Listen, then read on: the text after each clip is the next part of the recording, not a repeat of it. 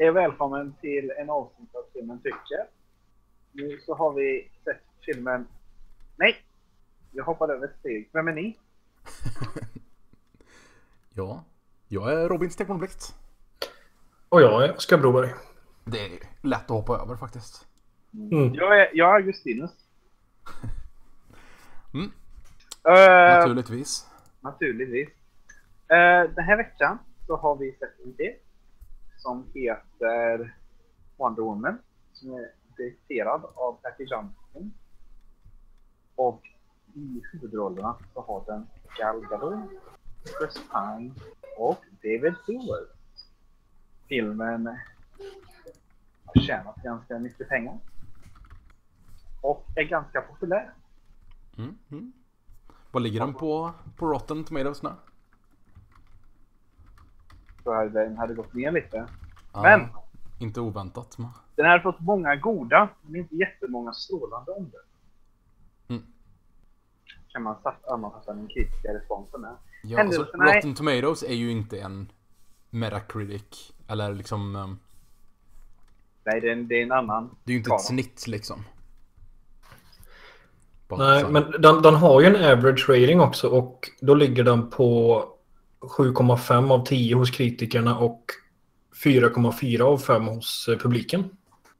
Det är underligt att de har två olika system där.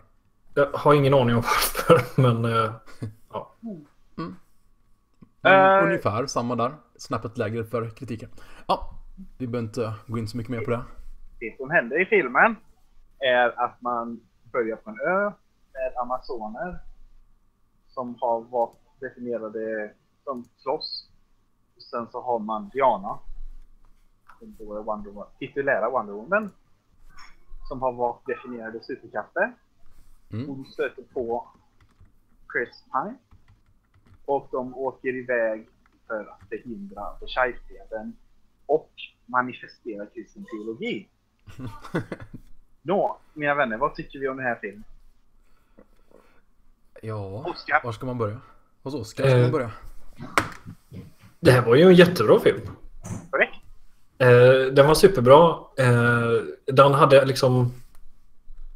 Den hade stenkoll på grunderna. Eh, den var välspelad, välregisserad, bra tempo, eh, manuset flyter på och, eh, och rätt ton kände jag för Wonder Woman. Och, eh, och sen eh, så var den också faktiskt intressant till skillnad från de flesta andra superhjältefilmer som mest är flashiga. Hmm. Robin? Alltså, jag tycker väldigt mycket om den här filmen. Men jag älskar den inte. Det gör jag inte. Den har några så här ganska kraftiga svaga punkter för mig. Samtidigt som den har några riktigt kraftiga starka punkter också. Så, där är jag. Och jag känner att uh, DC-filmerna fortsätter med uh, att, uh, eller vad ska jag säga, DCU-filmerna som jag inte räknar Suicide Squad till, för att jag inte sett den. Mm. Uh, de uh, bär inga hundred, så att säga. Eh, jag- Vill du att jag, jag- ska fortsätta så tycker jag du ska låta bli att se Suicide Squad? Ja, och det jag skulle säga är att när um, Man of Steel kom ut så var det den bästa superhjältefilmen. Och sen när Batman vs Superman kom ut var det den bästa superhjältefilmen. Och när Wonder Woman kom ut så var det den näst bästa superhjältefilmen. Ehm, så jag tycker att det här filmen upp med. Men! Före vi går... samma. Ja, förlåt. Kan du få din volym att vara lite högre? Bara en så här. Jag vet inte om det är att du sitter lite lutad från mikrofonen eller något sånt där. Är det bättre här? Ja. Yes. Okej. Före jag vill prata om allting som är fantastiskt i den här filmen Mm. så finns det två kategorier av saker som jag känner är bristande som jag vill ta upp och jag vill föra dem ur vägen. Ja. Och det första är att äh, filmen har svagheterna som nästan alla superhjältefilmer har. I att actionen är ganska tråkigt sammansatt. Det är en massa jättehäftiga tvåsekunders klipp. Uh, eh, det, som, det, jag det finns en massa häftiga poser. Men den är så, frukt, den är så fruktansvärt sammanplockad i redigeringen. Så det känner jag är något som drar ner den. Det är lite som en Marvel-film där. Jag håller inte med om ditt överdrag, liksom övergripande, övergripande poängen som du gör där. Däremot så känner jag att den här har kanske mer korta sekvenser. Som gör att det känns mer så. Även för mig. Jag tror, jag tror att... Eh, jag, jag, jag, vad ska jag säga? En, jag tror att en uh, bättre actionregissör hade kunnat göra mycket mer med de scenerna. Ja, det vet jag inte alltså. Jag, jag, jag, jag tycker att eh, så här, koreograferat och uppstyrt så är det rätt bra. Alltså grejen är att alltså, det finns en massa häftiga idéer i dem. Och, um, och Gadot är en så magnifik närvaro i det hela. Mm. Uh, men det jag känner att de inte nödvändigtvis väl sammansatta. Mm. Och jag skulle säga att... Sig, nej jag håller inte med dig. Okay. Jag känner faktiskt så om um, actionen och uh, filmen i sin helhet. Mm. Det som ibland så gör den konstiga klippningar och hopp och jag känner att uh, den hade behövt, vad ska man säga, masseras lite. Mm. Mm. Nej, jag är inte med dig där i alla fall. Var ställer ser du Oskar? Nej, alltså det är ju så här. Jag skulle ju vilja se den igen eh, för att kunna göra en mer nyanserad bedömning. Men det var inget som jag stördes av när jag såg den i alla fall. Okej. Okay. Nej, okej. Okay. jag stöddes av det när jag såg det. Jag önskade att de delarna kunde vara bättre för att den här filmen skulle kunna överträffa Batman mm. Men eh, det kan väl i och för sig um, att filmen, den här filmen bärs ju inte av sina actionscener. Nej, det gör den verkligen inte. Uh, för, för mig var ju liksom det, eh, med till exempel Civil War så var ju det enda som jag tyckte var som funkade bra det var ju humorn och actionscenerna. Mm. Medan här är det ju actionscenerna som jag tyckte de var bra men det var inte det som var som höll mig kvar i filmen. Mm. Nej, det, jag skulle, det, det, jag skulle säga att actionscenen är uttryck för den titulära karaktären. Och den titulära karaktären är fantastisk. uh, så att jag skulle säga att det blir att deras svagheter kan man ha översyn med på grund av hur bra resten är. Mm. Mm. Alltså ja. ja. Vi kan gå vidare i alla fall. För jag tycker inte ja. det är en sån svaghet. Nej, det, kanske... det finns inte jättemycket att vara ner på det heller. Nej. Uh, och men, du brukar ju uh, inte gilla den sortens superhjälte-våld. Nej. Så. nej, det gör jag inte. Jag tror att det är uh, både en pacingfråga och en smakfråga. Mm. Men uh, vad, vad, håller dig tillbaks då? då? Uh, hade du en annan punkt som du ville ta först? Innan jag tar mina? Det, det, det var mina två punkter, både actionsidan och överlag. Ah, okej, okay, okej. Okay. Um, för mig så är det att jag gillar väldigt mycket hur filmen är gjord. Jag gillar hur den är regisserad, jag gillar hur den är skådespelad. Hur den är skriven och allt sånt där. Men det finns två ganska stora hål som gör att jag inte blir så investerad i berättelsen och filmen. Som, som liksom jag känner att filmens karaktär överstiger hur mycket jag tycker om själva filmen hon är med i. Men de två punkterna som framförallt stör mig är ett, Den här gruppen, teamet som hon blir en del av. Um, som känns okay. mm. i stort sett helt meningslösa. Och ja. används dramatiskt på ett sätt som inte funkar när de känns meningslösa. Mm. Det är en av de stora punkterna. Den andra stora punkten är hur eh, den här slutstriden och lite själva konflikten mot eh, Ares, heter han Ares, mm. mm. Jag känner att... Satan kan vi också kalla honom. Jag gillar hur tanken är med den. Och det är som underbyggande. Men jag känner att där, den blev lite för... den interna logiken kändes inte som den gick ihop riktigt. Så här, den tematiska fungerade. Men lite hur hans, här, hans plan är. Om vi tar både bara liksom hur han går tillväga. Men en annan stor grej som hör ihop med det är en väldigt konstig scen som är precis när hon har besegrat honom. Och plötsligt så börjar alla typ kramas. Tänkte ni på det? Jag, sa, jag vet inte riktigt hur jag skulle tolka den scenen. Mm. Men, eh, mm, det kanske vi kommer till när vi går in på det mer tematiska. Men det andra med just det med skurken är i alla fall slutfighten som känns som den totalt bara tar den lätta vägen i fråga om att få eh, karaktärer och entiteter att verka mäktiga. Och det är bara att så här, det ska vara färgstarka ljusstrålar och ljusexplosioner. Ah, Istället ja, ja. för att de faktiskt använder saker som grundar karaktären och gör att deras mäktighet blir intressant. Så är det bara pang, pang, pang datorgrafik. Och den sortens datorgrafik och ljuseffekter behöver vara ett extra lager på någonting som redan finns där. Mm. Och det blir för mycket bara dess egenvärde i deras slutfight och det, det funkar inte. Ja, det, och det har du absolut rätt i. Den, Mm. det blir ju bara massa CG-nonsens där. Och den scenen hade ju varit bedrövlig om, inte var, om det inte hade funnits en sån idémässig skärpa på den. Mm. Ja, jo men precis. Alltså det, det är sådär man... Man kan bortse från hur den är gjord för vad den står för och liksom dess plats i berättelsen. Så. Och det vore ju bra om Marvel hade någon rättighet att stå för. Då hade man kunnat bortse från dess brister. Icke Nicke. Eh, det som jag förundrades över med filmen, och jag, jag skulle säga att jag till och med förvånades med den. Eh, och jag har ju hintat lite på detta, Mm. både till er innan. Eh, och jag vet inte, jag misstänker att det här var inte någonting ni såg, för jag har aldrig, ingen annan verkar ha sett det. Men jag ser tankesultanen här. Mm.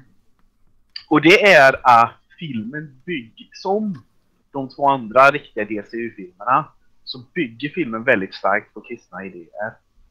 Och den använder ju en hednisk estetik med hedniska gudar.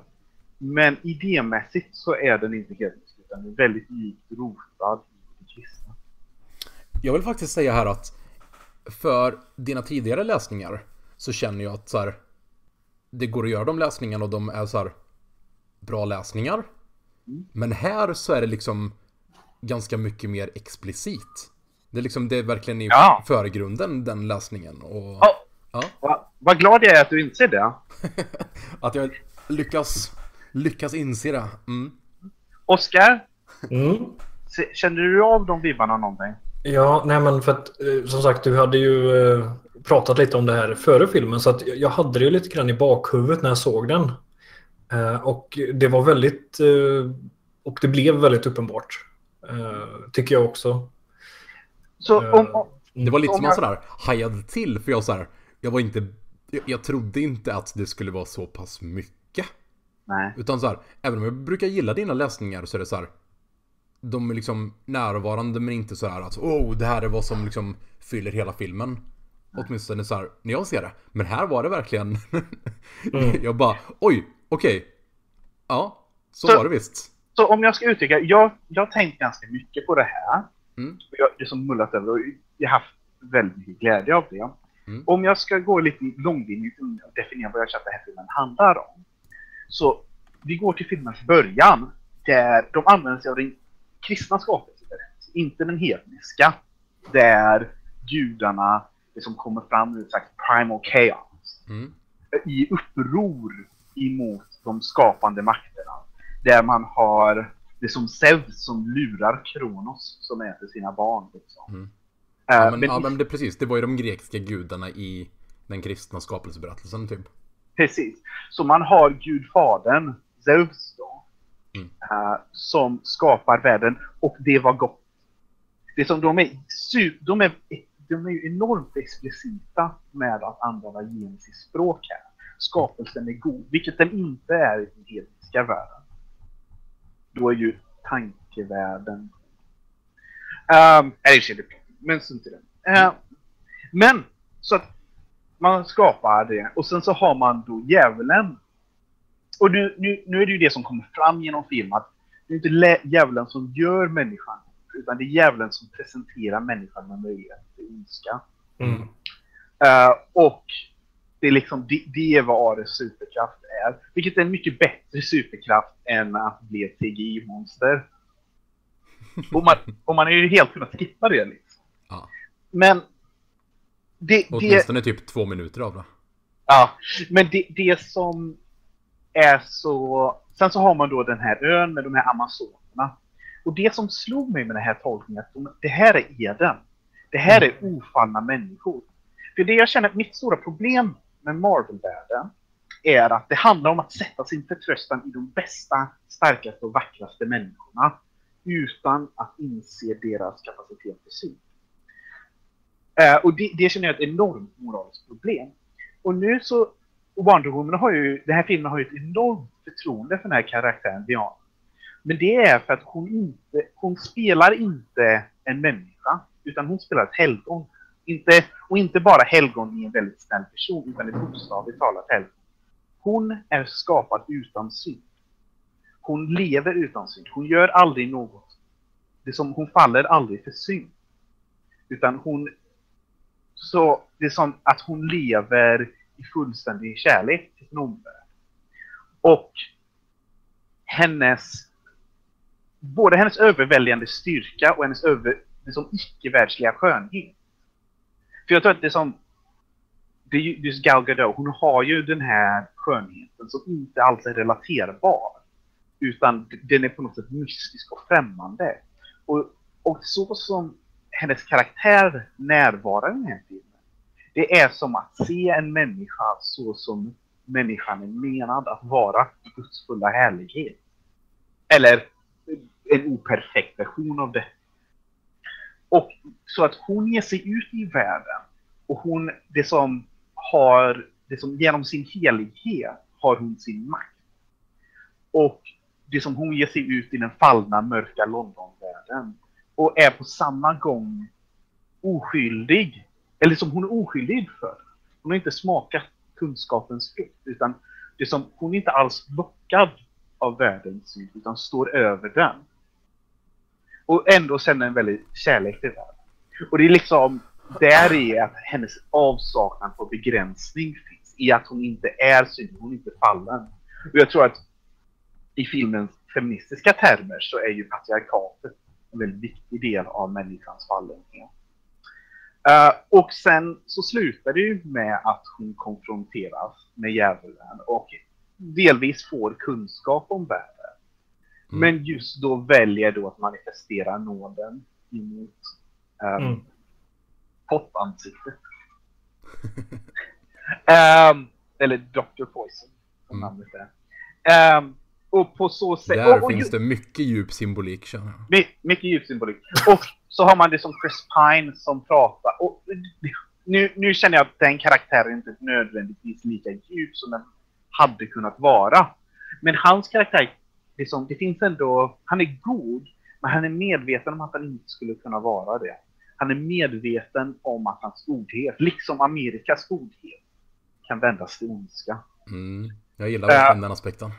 Och, just, och sen det han har att säga är att det, det, som det handlar inte om att förtjäna. Ingen förtjänar nåd. Vi förtjänar alla att dö. Och, men det, det är som att den, vad ska man säga? Nu, ja, nu så blir hon ju korsfäst på slutet och uppstår och bla bla bla. Det, ni tänkte på det när de sätter ut henne i en stor korsställning liksom, för att rädda världen? Hmm. Nej, just den tänkte jag inte på. Det, det, det finns ju en... Det, det som i den stora CGI-striden på slutet. Så jag tror att det är som hon blir det som mega-powered, hon var super saiyan eller något sånt. Mm. Och då flyger hon upp i luften med benen. Ah, uh, jag tänkte inte på att det var gjort, gjort på det sättet. Hmm. Alltså med alla de här grejerna. Och jag håller ju verkligen med om det, för en gångs skull. så, så, så det som allt det här var det som strålande. Okej, okay, jag tror att det, det som det tog en tid för mig efter jag såg filmen för att kunna verbalisera om allt det. Mm. Men det kändes så fruktansvärt uppenbart. Alltså, alltså jag eller, undrar verkligen hur alltså, medvetet det är gjort. För det känns som ja. någon som åtminstone väldigt kraftigt är indirekt påverkad av att tänka just på det sättet som du sa. Ja. Fångar ja. hur det har format mystiken och liksom bara det, det jag skulle, och sådär. Jag tror inte Patty Jenkins nödvändigt, att det här inte nödvändigtvis kommer från henne. Utan det som, det som Kevin Feige är till Marvel-filmerna är ju Zack Snyder till DC-filmerna. Ja. Och jag, jag misstänker att han är... Antingen är han smygkatolik Eller så inser han att, väst, att de starkaste liksom, estetiska bilderna i västvärlden kommer ifrån den kristna tron. Och jag tror att han är ska man säga, medveten där. Samuels vurmande utsagor där med Zack Snyder mm. är nog smygkatolik. En kryptopapist. Nej, nej, jag vet inte. Men jag tror ändå att, jag känner ändå att det som i de här filmerna så finns det en omissagligt medveten kristen underton. Mm. På samma sätt som Marvel-filmerna har en, en eller ja, en, liksom en omisstaglig sekulär underton. Mm. Äh, så, så, att äh, man kan säga att jag älskar barndomen riktigt mycket. Ja, jag förstår det. Men det är ju så här, ju mer så här, som jag tänkte på det efteråt, så här, desto fler av, av likheterna till evangeliet kommer man ju åt också med allt ifrån eh, jungfrufödsel till, eh, till det här frestandet och liksom att vi kan regera eh, tillsammans. Är, eh, är väldigt mycket alltså. Ja, ofantligt mycket. Och det är säkert eh, tio till exempel som, eh, som jag liksom har glömt av eller inte tänkt på. Mm. Jag, jag, tycker också om att hur liksom hennes karaktär, hon är oerhört attraktiv. Och jag, jag tror att det delvis har att göra med den kristna undertonen, men även med den feministiska undertonen. Att hon känns aldrig sexualiserad, utan hon är det som, ja. liksom den nakna människan, det som, liksom Adam och Eva som är nakna före fallet. Så det, det, är som att hon har ingen... Vad, vad, ska man säga? Hon är så... Vad ska man säga? Hon står liksom över det. Omedveten. Känner inte sin... Så, ja. Det är vad jag tycker. Ja, ja det bara tänkte... Ville gå vidare in på just det du nämnde nu om hur hon inte är sexualiserad. Men... Eh, ja. Eftersom jag tänker att det överlappar just i det ämnet så kunde vi avsluta det kapitlet först. Okay. Men just ifrån så här feministiska linsen på Wonder Woman. Och så här, vad det är, vad det hade kunnat vara. Och så här förväntningar och så vidare. För jag känner att den gör många balansgångar väldigt, väldigt väl. I fråga om att göra det här till så här, lite en groundbreaking film för att kunna göra så här kvinnliga karaktärer, kvinnlig liksom en väldigt fokuserad kvinnas berättelse liksom. Mm. Och en utav dem är bland annat just det här att hon sexualiseras inte. Så här, hon är inte objektifierad. Och samtidigt så vänder de inte och gör en liksom gender flip och kör att så här um, det blir exakt samma lins åt andra hållet på Chris Pines karaktär. Mm. Utan han, han blir ju liksom ett så här sexuellt och romantiskt intresse. Men det blir inte ur en omflippad male gaze som bara vänds åt andra hållet. Nej. Utan om vi, om vi tar viktiga saker där som att exempelvis får Chris Pines karaktär bli en riktig karaktär. Och det är liksom, man hade verkligen kunnat göra det här till en film som ganska berättigat gick in och bara så här liksom framställde männen som är med i berättelsen som löjliga och överflödiga och nu ska inte ni få vara med i berättelsen. Men det känns som man har liksom tagit the high road där och gör en bra berättelse istället för att bara göra ett så här, ett slag för den politiska agendan. Så det är liksom genom att den bara fokuserar på att göra en bra film, en riktigt bra film som görs i den här kvinnliga berättelsen så talar det tillräckligt i sig istället för att så här, göra den väldigt politiskt styrd. Ja, jag skulle säga att det politiska åt det mångkulturella hållet inte bidrar positivt på filmen där. Okej. Okay. Du tyckte ju att den här gruppen var överflödig. Mm. Och uh, du har helt rätt där, den är överflödig. Uh, men den är ju med för att den ska vara mångkulturell liksom. Mm. Ja, just den biten hör väl kanske inte till det som jag pekar ut nu. Så, Nej, alltså, alltså de, de, de, är inte dåliga för att de är mångkulturella, men det är därför man har med dem. Och grejen är, det som... Den, den kändes aldrig som en misslyckad heistfilm. Utan att den bara hade en misslyckad heist, det som heistfilm som blindtarm. eh, det kändes ju lite som att den här gruppen var ju... De var lite med i en annan film. Ja. Eh, som spelades in på samma sätt. Mm, verkligen. Eh, och liksom... Eh, jag, jag tyckte liksom, alltså, det var en intressant grupp så här, men med tanke på hur lite som hände med dem så blev det ju Ja. aldrig meningsfullt. Liksom. Nej. Eh, eller så här, jag hade inget emot skådisarna eller deras insatser. Så, utan mer att det fanns aldrig någon anledning. Och eh, Ja, de hade behövt få mycket mer kött och utrymme för att Ja. det skulle finnas en poäng att ta med dem överhuvudtaget. ja, men det känns som att det kanske var den här filmen. Den här gruppen kanske är liksom ett bagage från en tidigare liksom draft från, eh, från Ah. filmen känns det nästan som. Ja, Eh, men lite så. Att de Ja, var men- centrala innan kanske. Men Jag, jag undrar till och med om det har att göra med, alltså de är ju med i bilden i Batman vs Superman. Och att Ja, de just hade, det. De hade någon tanke om det där. Och sen efter det som, liksom, de kom inte bort ifrån dem. Det där är, det är en bra poäng faktiskt. Det skulle inte förvåna mig om det, om det hänger på den där bilden. Uff, nej, det tror jag faktiskt inte.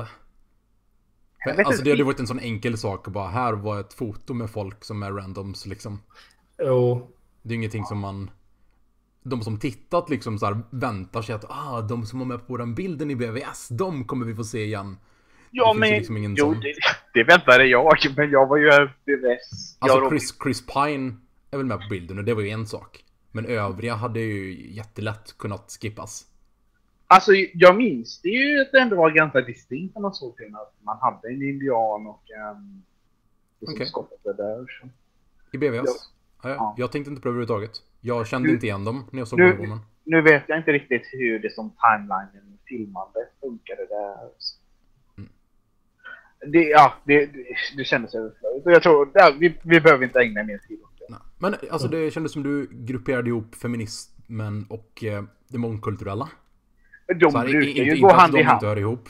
Så här, hand i hand. Men, alltså absolut, det går ju ofta hand i hand. Men det är ju inte samma sak. Nej, det är det inte. Men det är bägge av dem, eller vad ska man säga, det brukar vara samma sortens människor som vurmar för de bägge tillsammans. Mm. Ja, men det är det jag menar att så här, det mångkulturella kändes ju ganska meningslöst här. Men alltså det feministiska menar jag ju på samma sak som det höjer eh, typ Mad Max Fury Road. Hur det feministiska är, hur det berättas en Nej, berättelse på det här sättet. Ja, den feministiska sänker Mad Max Fury Road. What? Charlie det- Theron? Ja, ja, det finns vissa feministiska ins... Det implicit feministiska i Mad Max Road. Road. Mad Max Fury Road höjer det. Det explicit feministiska sänker det dramatiskt. Men det var diskussion. Ja, men då pratar du om någonting annat. Nu pratar Det- jag ju om det implicita. Ja, det, det var en film vi såg för två år sedan. jag det. Nej, alltså jag menar både där och här. Det är liksom, det är det jag menar att det, det implicita här. Det är det jag pratar om. Ja, Inte okej. att så här, ett politiskt budskap utan att så här, hur de värderingarna har format den här karaktären till att göra en bättre berättelse. Och nu tycker jag det är intressant just med min tolkning av Diana. Mm. Så hon blir ju lite konstigare som feministisk ikon. så. Okej. För jag menar, vad ska man säga? Den feministiska tolkningen är ju inte nödvändigtvis att eh, patriarkatet beror på syndafallet. Mm. So? Äh, strunt i det. Och jag känner, alltså det, jag känner, jag störde mig, eller vad ska man säga? Det feministiska var ju, inte, var, var ju självklart inte det jag tog hem ifrån filmen. Mm. Men jag störde mig aldrig på det heller liksom. Nej. Alltså, jag, jag såg det ju när jag var där. Och det är som man har de här scenerna. Det är som när hon springer in hos generalen och så. Jag hade nödvändigt, jag hade kanske inte gjort de scenerna eller så. Mm. Eh, men jag känner ändå att det som i vad filmen är så funkar det. Mm. Nej, jag gillade ju dem jättemycket. Mm. Också för att det var balanserat på ett sätt som var så här. Det hade kunnat vara antingen så här väldigt politiskt laddat explicit. Så att det var liksom mer bara att så här. Kom Ja, här, titta, så här är det, och så här, och här, så här. Och alternativet på andra sidan hade kunnat vara att hon blev eh, mer förlöjligad i situationerna. Så att det mer liksom, Att man skrattade åt så här när hon var fish out of water. Ja, ja, ja. Men, och jag tror att Alltså det, det, det är ju en del av hennes många Fish Out of War-sekvenser. Mm. Och, och det är vad som just gör att Fish Out of War-sekvenserna funkar och funkar så mycket bättre än Tor. För det, hon är ju så mycket mer gudalik än vad Tor någonsin är. Är just att hon har en så fundamental indifference. Det är som vad, hon, har- hon har, hon bryr sig inte vad gubbarna tycker. Det är ju inte att hon har bestämt sig att nu ska jag äntligen sluta lyssna på de här gubbarna. Mm. Utan hon är ju någon som aldrig har behövt bry sig om det. Ja. Och, och den, kameran har en sån stor respekt för henne också som gör att det blir någonting som känns äkta. Hennes liksom karaktär i det avseendet. Så, det gillar Mm.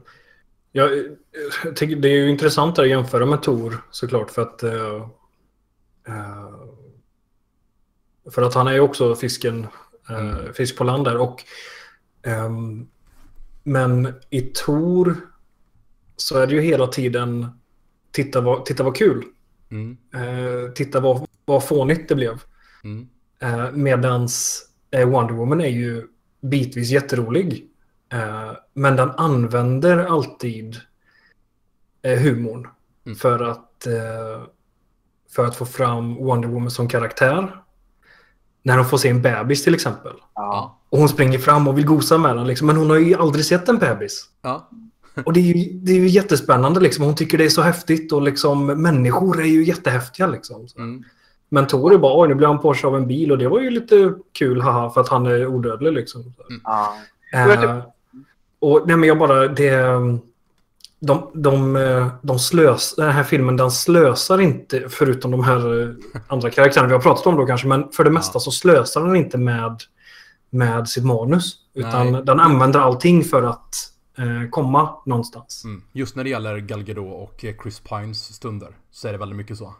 Ja. Och, och sen så, alltså Chesterton har en fantastisk replik där han pratar om att tråkighet, känslan att man är tråkig, är ett resultat av synd och människans fallenhet. Att hur som syndiga varelser känner, det som upplever man någonting tillräckligt många gånger så blir det tråkigt. Men Mm. är man befriad från synden, när man ser något gott så är, känner man lika stor glädje i det samma gång. Ja, det kan jag verkligen relatera till. För jag satt och kände mig så syndig när de där CG-monsterstriderna kom i slutet. Ja, Ehm, och, och, och, och sen så... Och, och sen också att liksom, den sorts karaktär som Tor spelar är ju en hednisk gud. Mm. Så att han, det som han och hedniska gudar är egentligen eller i och för sig nu inte Galvador så här heller. Men det så de är väldigt kraftiga människor eller vad ska man säga? De är idealiserade människor. Ja, men precis. Han har en annan relation och dynamik gentemot människan. Medan, eller vad ska man säga, ha- han finns på en skala på människor. Ja. Medan hon, som står på den andra avgrunden av syndarna. Mm. När jag gör den här teorin så hoppas jag verkligen att de bevarar Wonder Womans karaktär så här. Eller jag vet inte, jag är så nyfiken. Vilken fantastisk... Och, och, och nu, okej. Nu rör vi oss mot en annan del av diskussionen. Mm. Gal Gadot är ganska fantastisk. Ja, hon, gör, hon gör den här riktigt bra alltså. Hon, Mm. Jag skulle säga att hon spelar den bästa superhjälten någonsin. Alltså, hon hon är- äger ju verkligen rollen. Mm. Eh, hon, hon är ju direkt Wonder Woman liksom.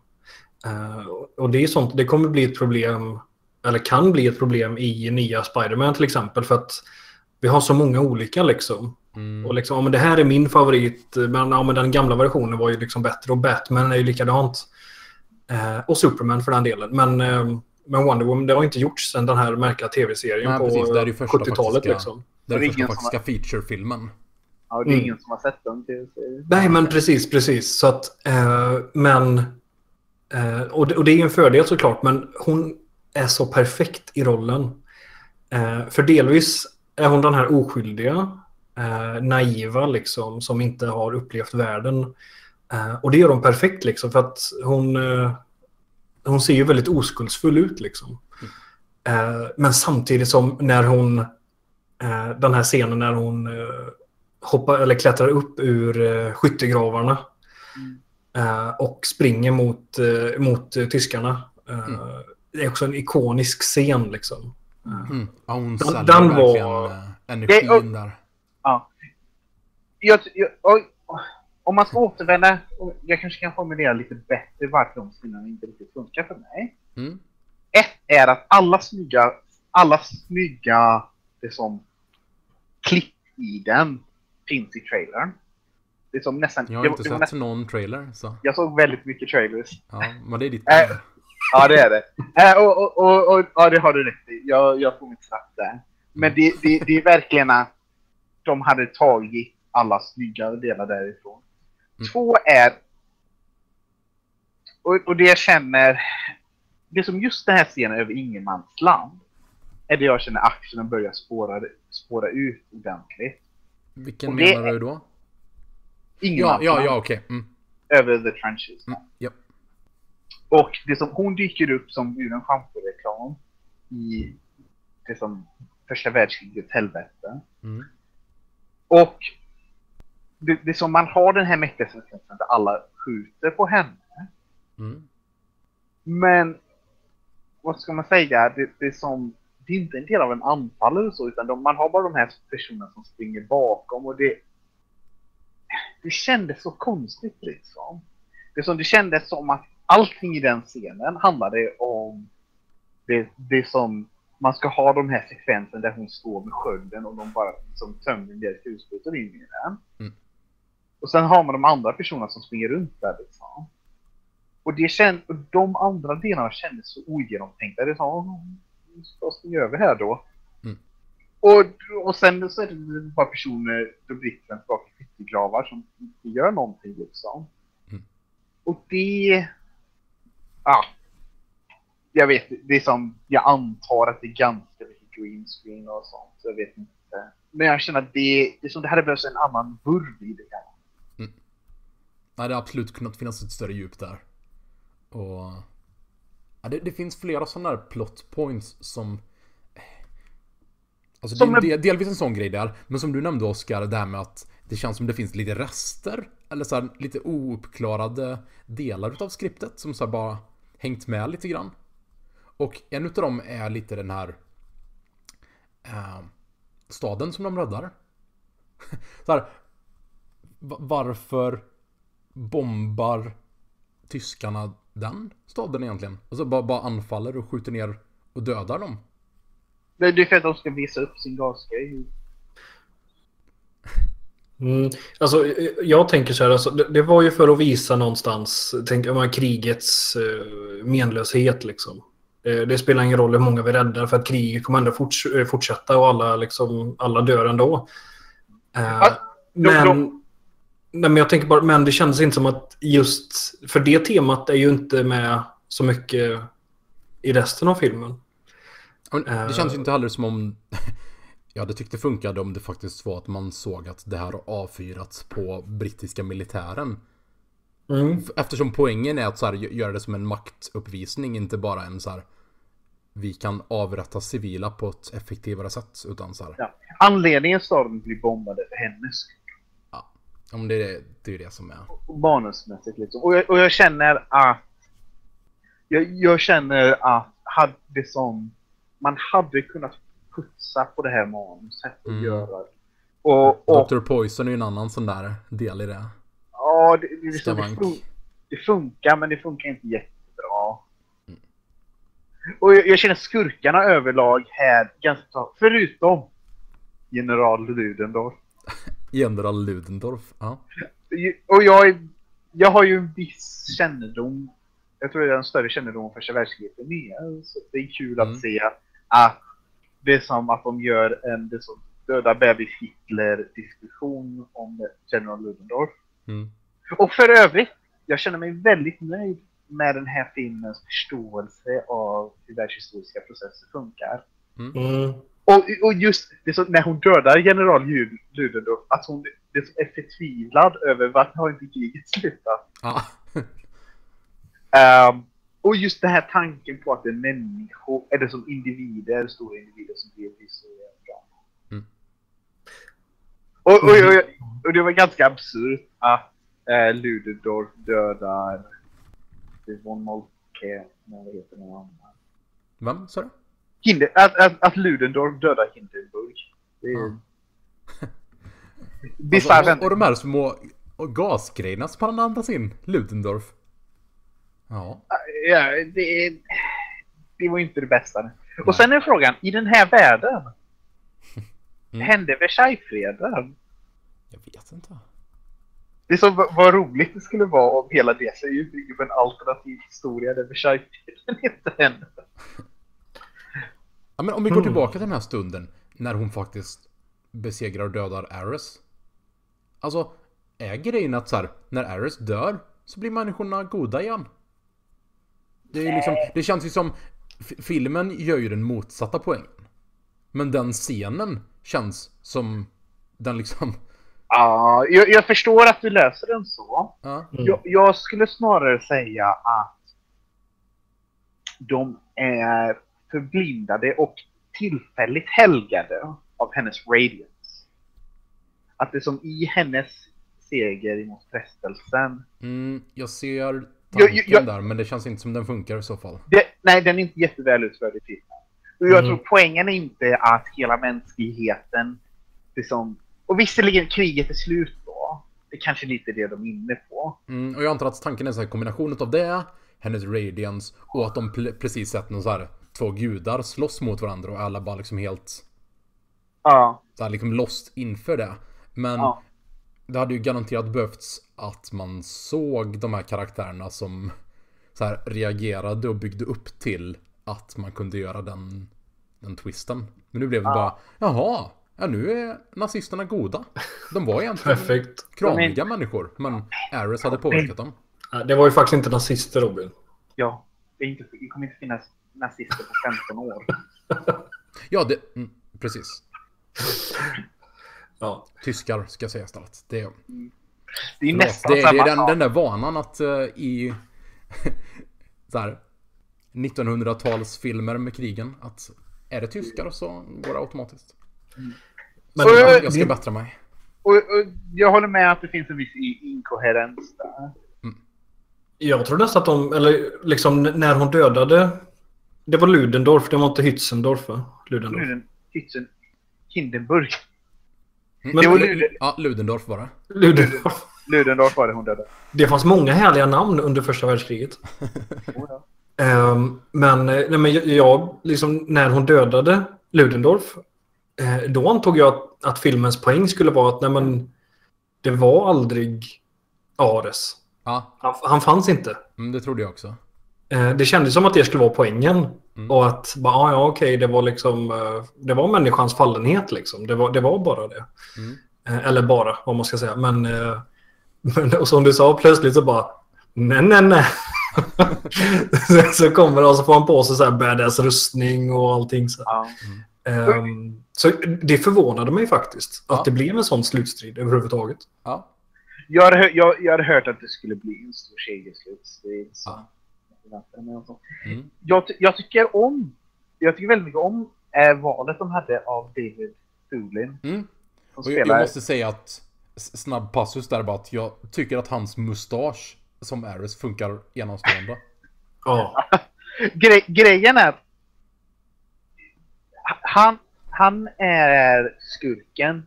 Han spelar djävulen i Fargo säsong 3. Där han är mycket mer fruktansvärd. Han är Mm. mycket, Spoila inte för mycket nu Samuel. Jag ska inte säga eh, så mycket, men... Eller okej, det, det finns en grej jag vill berätta. Det är bara en Mm. tematisk grej, inte konkret. Det mest skrämmande han gör är att han äter väldigt mycket och spyr upp det. Okej. Och han, Mm. eller, eller vad ska jag säga, han, han är bara... Äh, Ja. det, är- han är fruktansvärd. Äh, och han är bra. Men jag känner ändå... Jag, jag, jag, det som, den har en del saker som håller den tillbaks från att nå BVS storhet. Mm. Alltså den har mycket större potential. Och, men, den har mycket starkare löfte för framtiden. För jösses vill jag se alla filmer med Wonder Woman.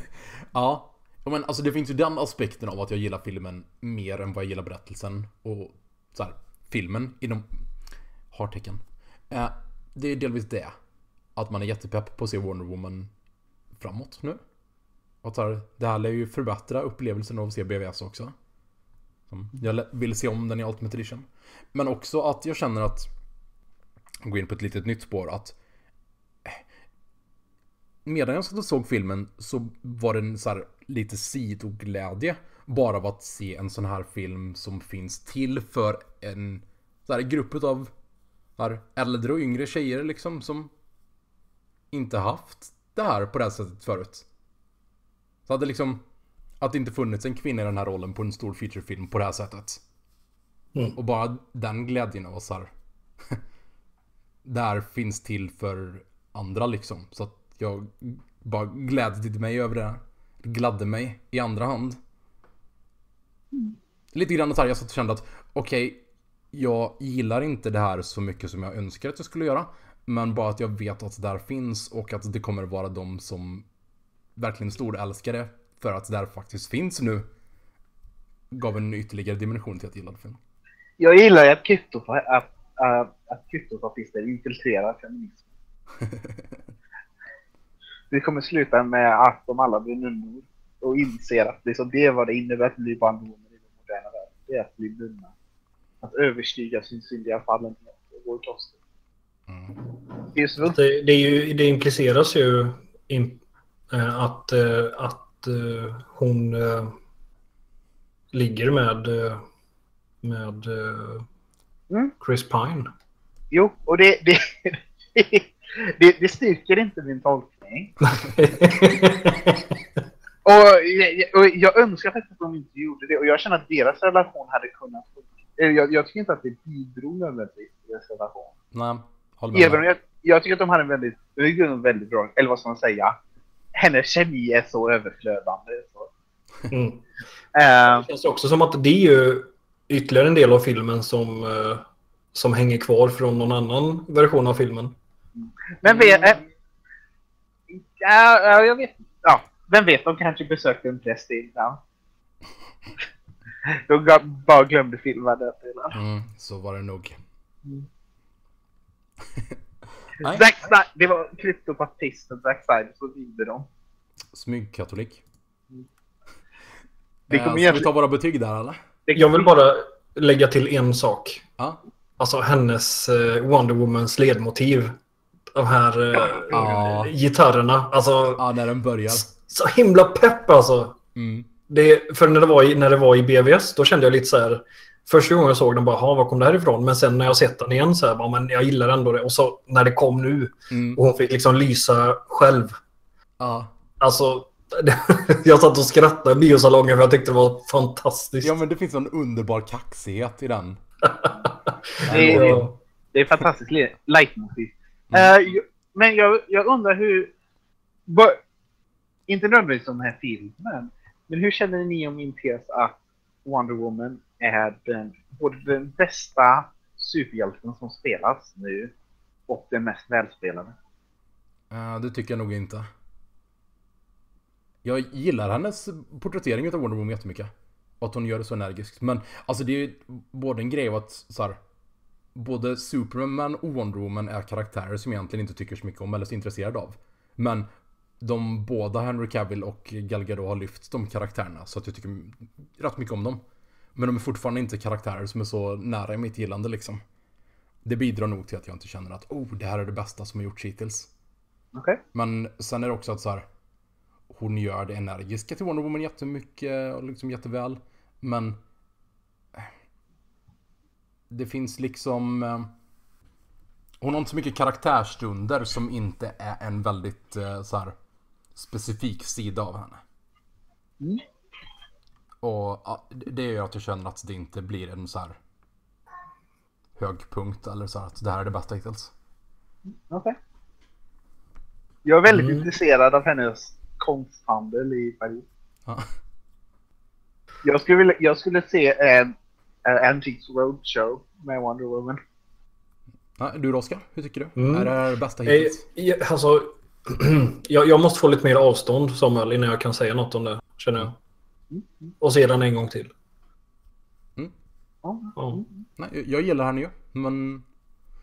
Ja, b- både, både filmen och uh, Wonder Woman är ju inte så här det allra högsta i mitt gillande och liksom vad jag tycker är kvalitetsnivå heller.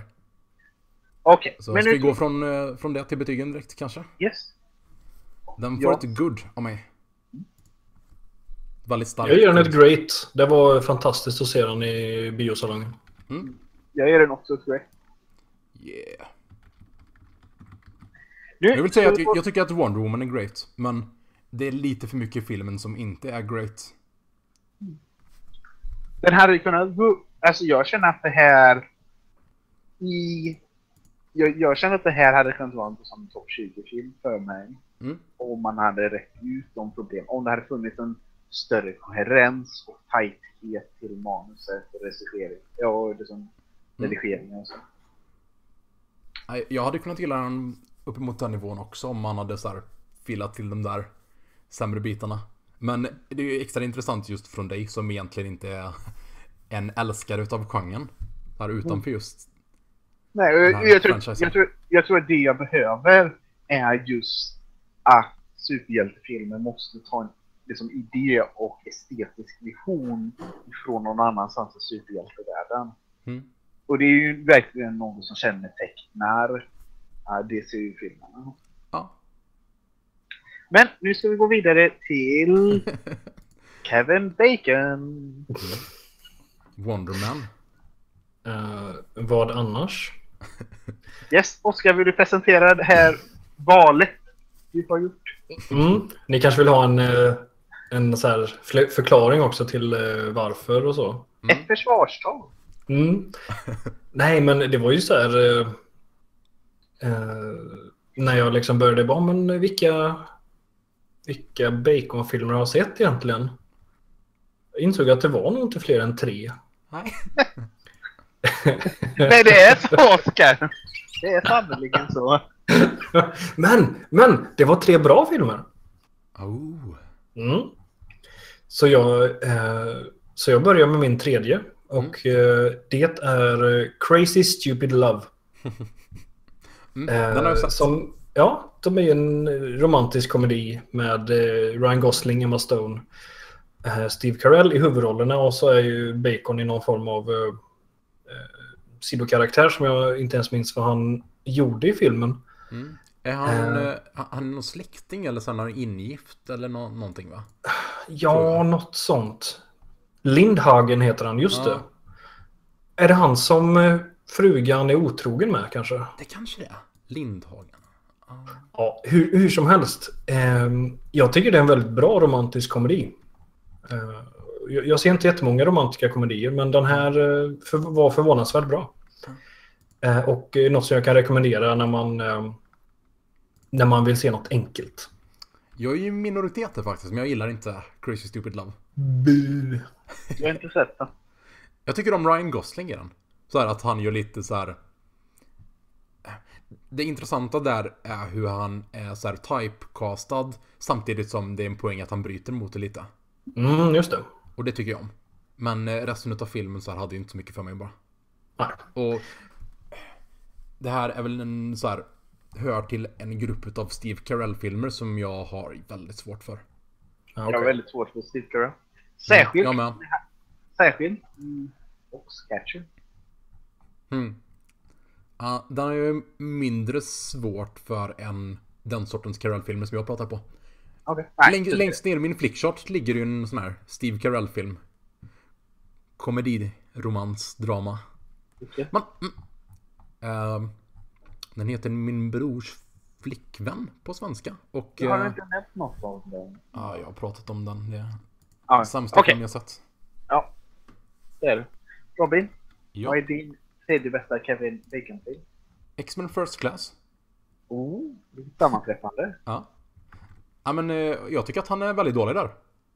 Jag minns absolut ingenting om honom där. Eller vad jag... Jag minns inte ens hur han ser ut i den filmen. Ja. Men jag har sett den filmen och han är med i den. Mm.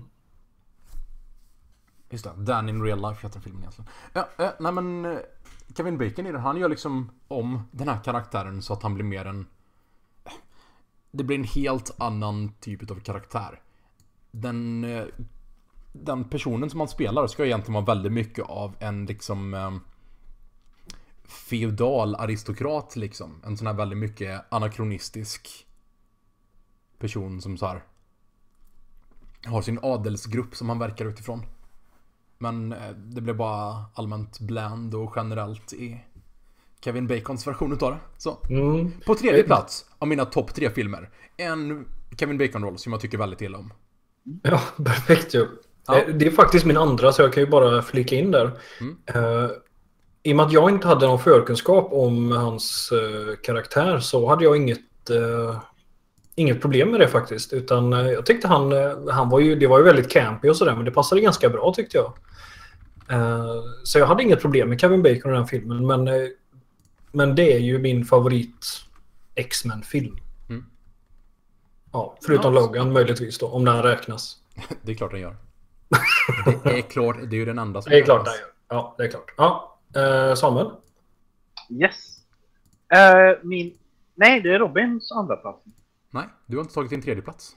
Jo, det är X-Men först. va? Ah, mm. Jaha. var- ja, perfekt. La inte in så Ja. jättemycket. Mm. Robin? Eh, min andra plats är Guardians of the Galaxy. Där eh, legenden om Kevin Bacon är ju med i alla Ja, fall. ja, eh, Och det är kvalificerat tydligen. Av våran mm. givmilde domare Oscar. Ja. har, du, har du sett filmen som han... Nej, jag har inte sett Footloose. Men eh, nu blir jag ju sugen på att se den. Så vi får se när det händer. Ja. Den verkar inte särskilt bra, men den verkar lite kul. Mm. Jag... Jaha. Eller, vänta. Ja, nu är det min andra plats. Min Ja. andra plats är en film... Jag vet inte om jag såg men det är Patriots Day. Ah, Har ni sett den? nej. Nej, ja, det är, Mark, det är Marky Mark va, som är Boston-hjälte. Mm. Boston Bombay. Eh, och det är en ganska bra film. Eh, hade den satsat lite mer på att försöka vara Zero Dark Thirty så hade den varit ännu bättre. Uh, Som alla filmer. nej, inte alla filmer. Wonder Woman hade inte blivit bättre av att satsa på att vara Zero Dark Thirty. Eh, men... Jag, eller vad ska man säga? Det, det, den är, den, det, så det känns som att någonstans så, hade, så såg de Zero Dark Thirty och tänkte ja, ah, fy vad bra, den här filmen ska vi göra. Men sen så satsade de på dem på att göra den mycket mer eh, hjältemässig. Uh, eh, och, och, och, och den funkar som det. Men Kevin Bacon spelar en FBI-direktören, men han är FBI-killen som leder utredningen. Och det som jag gillar där, och det hade kunnat göra bättre, det som Marky Mark är väldigt mycket, han är lokala Boston-polisen och gillar inte de federala auktoriteterna som kommer in och förstör. Men det finns ändå en kompetens som Kevin Bacon uttrycker där. Mm. Eh, och som de jobbar tillsammans med Mark och Mark. Och det, det finns en produktiv relation där. Eh, och eh, det, så det finns, det som de har olika prioriteter och så. Och jag känner att det, som i slutändan så det, det, det funkar bra där. Så det, det är både en film som jag tyckte var ganska bra och som jag tyckte om Kevin Bacon. All right. Mm. Första platser. Eh, ja, det är dags för min första plats. Eh, och eh, det är en film som, eh, som kom 2010. Och eh, det verkar som att eh, det var inte så många som, eh, som tyckte om den. Eh, som heter Super. Ah, Ja, Jag ser här nu på eh, Rotten att den har fått 49% av eh, critics och 56% av, eh, av publiken. Så det är bara jag som tycker om den. Men, eh, men i alla fall, det är, eh, och det är en intressant film. För att eh, han som spelar Dwight i det amerikanska Office, om ni vet, eh, Rain Wilson, han spelar huvudrollen. Ja. Eh, och han, eh, han har blivit trött på eh, på alla, all orättfärdighet i världen så han gör sin egen eh, superhjältekostym. Eh, och så tar han en eh, skiftnyckel eller något sånt där och, och börjar liksom eh, leta skurkar. Mm. Eh, och den är, den är väldigt rolig bitvis. Men, men någonstans så, så kommer verkligheten ikapp. Och liksom när han slår till någon som går före kön med sin skiftnyckel Mm. och dödar den personen. Så blir det väldigt allvarligt. Mm. Eh, plötsligt. Och det är en intressant eh, tagning på eh, superhjältefilmer överhuvudtaget. Eh, det här är ju en bättre Civil War än vad, än vad Civil War är. Ja, det låter som det. det känns, jag skulle säga att det låter som en kritik av Marvel. Ja men precis, men den kom 2010 så det var liksom ganska tidigt i, i Marvel-världen. men i alla fall, jag tycker den är jättebra och eh, Kevin Bacon spelar uh, riktigt sliskig knarkhandlare. Mm. Jag insåg just en grej. Ja. Innan Man of Steel så var ju Zack Snyders Watchmen den bästa superhjältefilmen. Det är sant. Eh, Eller jag vet inte. gillar inte den så mycket. Den har det- intressanta jag- idéer men så här, filmen Ja, känns inte som den använder så bra. Serietidningen har intressanta Ja. grejer. Har du läst serietidningen? Nej, jag har inte det. Jag vill göra det. Ja, den är väldigt lik filmen oavsett vad folk säger. Mm. Uh, visu- ja. Uh, nej, jag vet inte. Jag vet inte vart den är i kronologi med Dark Knight Rises. Jag känner inte jag borde se om Dark Knight Rises för att vara den fjärde bästa superhjältefilmen någonsin har jag bara sett den en gång. Eller är det Mm. fem? Allt. Alright. Uh, ska vi se. Ja, just det, det är ju James? Gunn. Det är super också. Just det. Ja, Ja, det är det. Uh, du vill inte jag säga. Alright, min första plats är Balto. Som är någon eh, tecknad film om en varg som jag såg när jag var typ 13. Ja, jag har sett den också. Jag har ju bara sett den på svenska såklart, så Kevin Bacon har jag ju inte hört i filmen. Men jag antar att det är han som har så här format eh, Ja, själva det som den svenska översättningen säger. Så jag ger honom cred för det. Balto Okej, på första jag, plats. jag har sett den på engelska. Ja. Det handlar om slädhundar i Alaska. Ja. Och det är han som spelar själva Balto också, huvudrollen. Jaha. Okej, ja men då, då har jag faktiskt sett mer Kevin Bacon-filmer än vad jag tror. Ja, jag- mm. det är min etta i alla fall. Yes. Min första plats är en film som, som jag faktiskt vill att ni ska se. Jag tror ni skulle gilla den väldigt mycket. Ja. Där Kevin Bacon spelar en ganska obehaglig figur. eh, och inte är det som gör filmen jättebra. Men det är Power 13. Ah, mm. Mm, just det. Och, och det, Det är ingår det, ju i planen. det är den bästa filmen som gjorts om ingenjörskap. För jag kan säga, det här är en spoiler för Apollo 13. Det minst, jag tror inte att det kommer minska er uppskattning för det. Men det finns en scen i filmen där det är tre stycken i rymdraketen och deras luft håller på att ta slut. Mm. Och de måste göra ett nytt luftfilter. Och man har en NASA-kille som häller ut en massa grejer på ett bord och säger det här är allting de har ombord på skeppet, bygg ett luftfilter. Ja, det låter faktiskt väldigt bra. Och det gör. Så det, det är superfestligt. Och det är en film man borde se. Det är en Tom Hanks-film. Och Kevin Bacons roll där är att den tredje astronauten som är Tom Hanks och hans... Eller han har två sidekicks som jag inte minns. För att de står jämte Tom Hanks. Mm.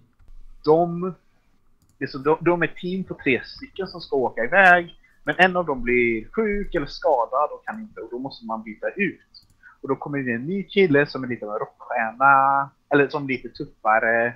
Mm. Och som de inte riktigt litar på. Det är Kevin Bacon. Såklart.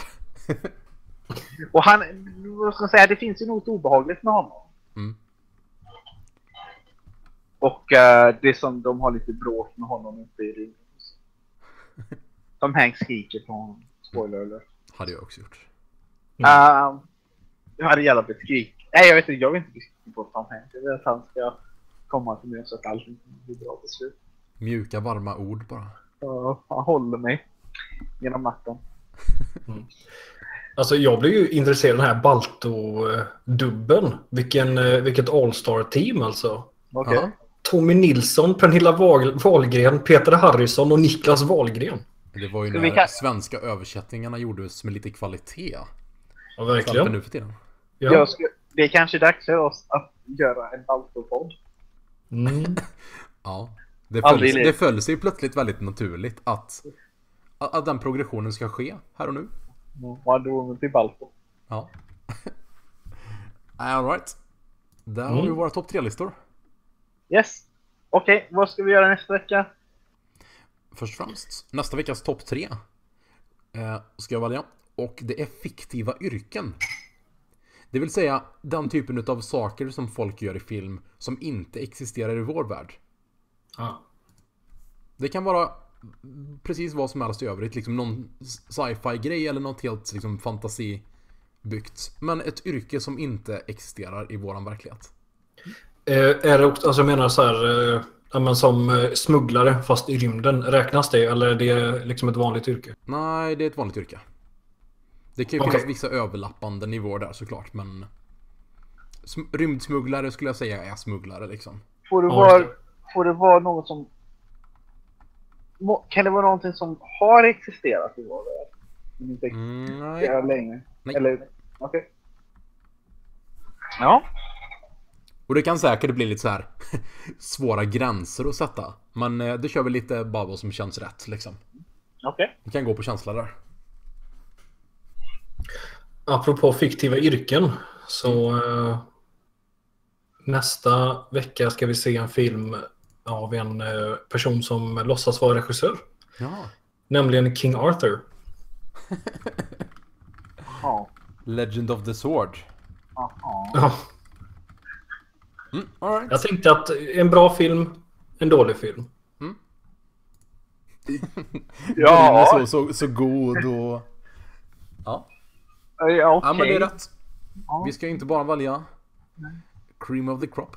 Men vi Vi ska, ska välja inte bara klimater välja, också. vi ska inte bara välja filmer vi vill se, utan även sånt vi inte vill se. Även sånt vi önskar att vi inte såg. Ja. ja, Nej, det blir en bra vecka. okej. Yes. Och, eh, men ja, ha det bra. Hallå!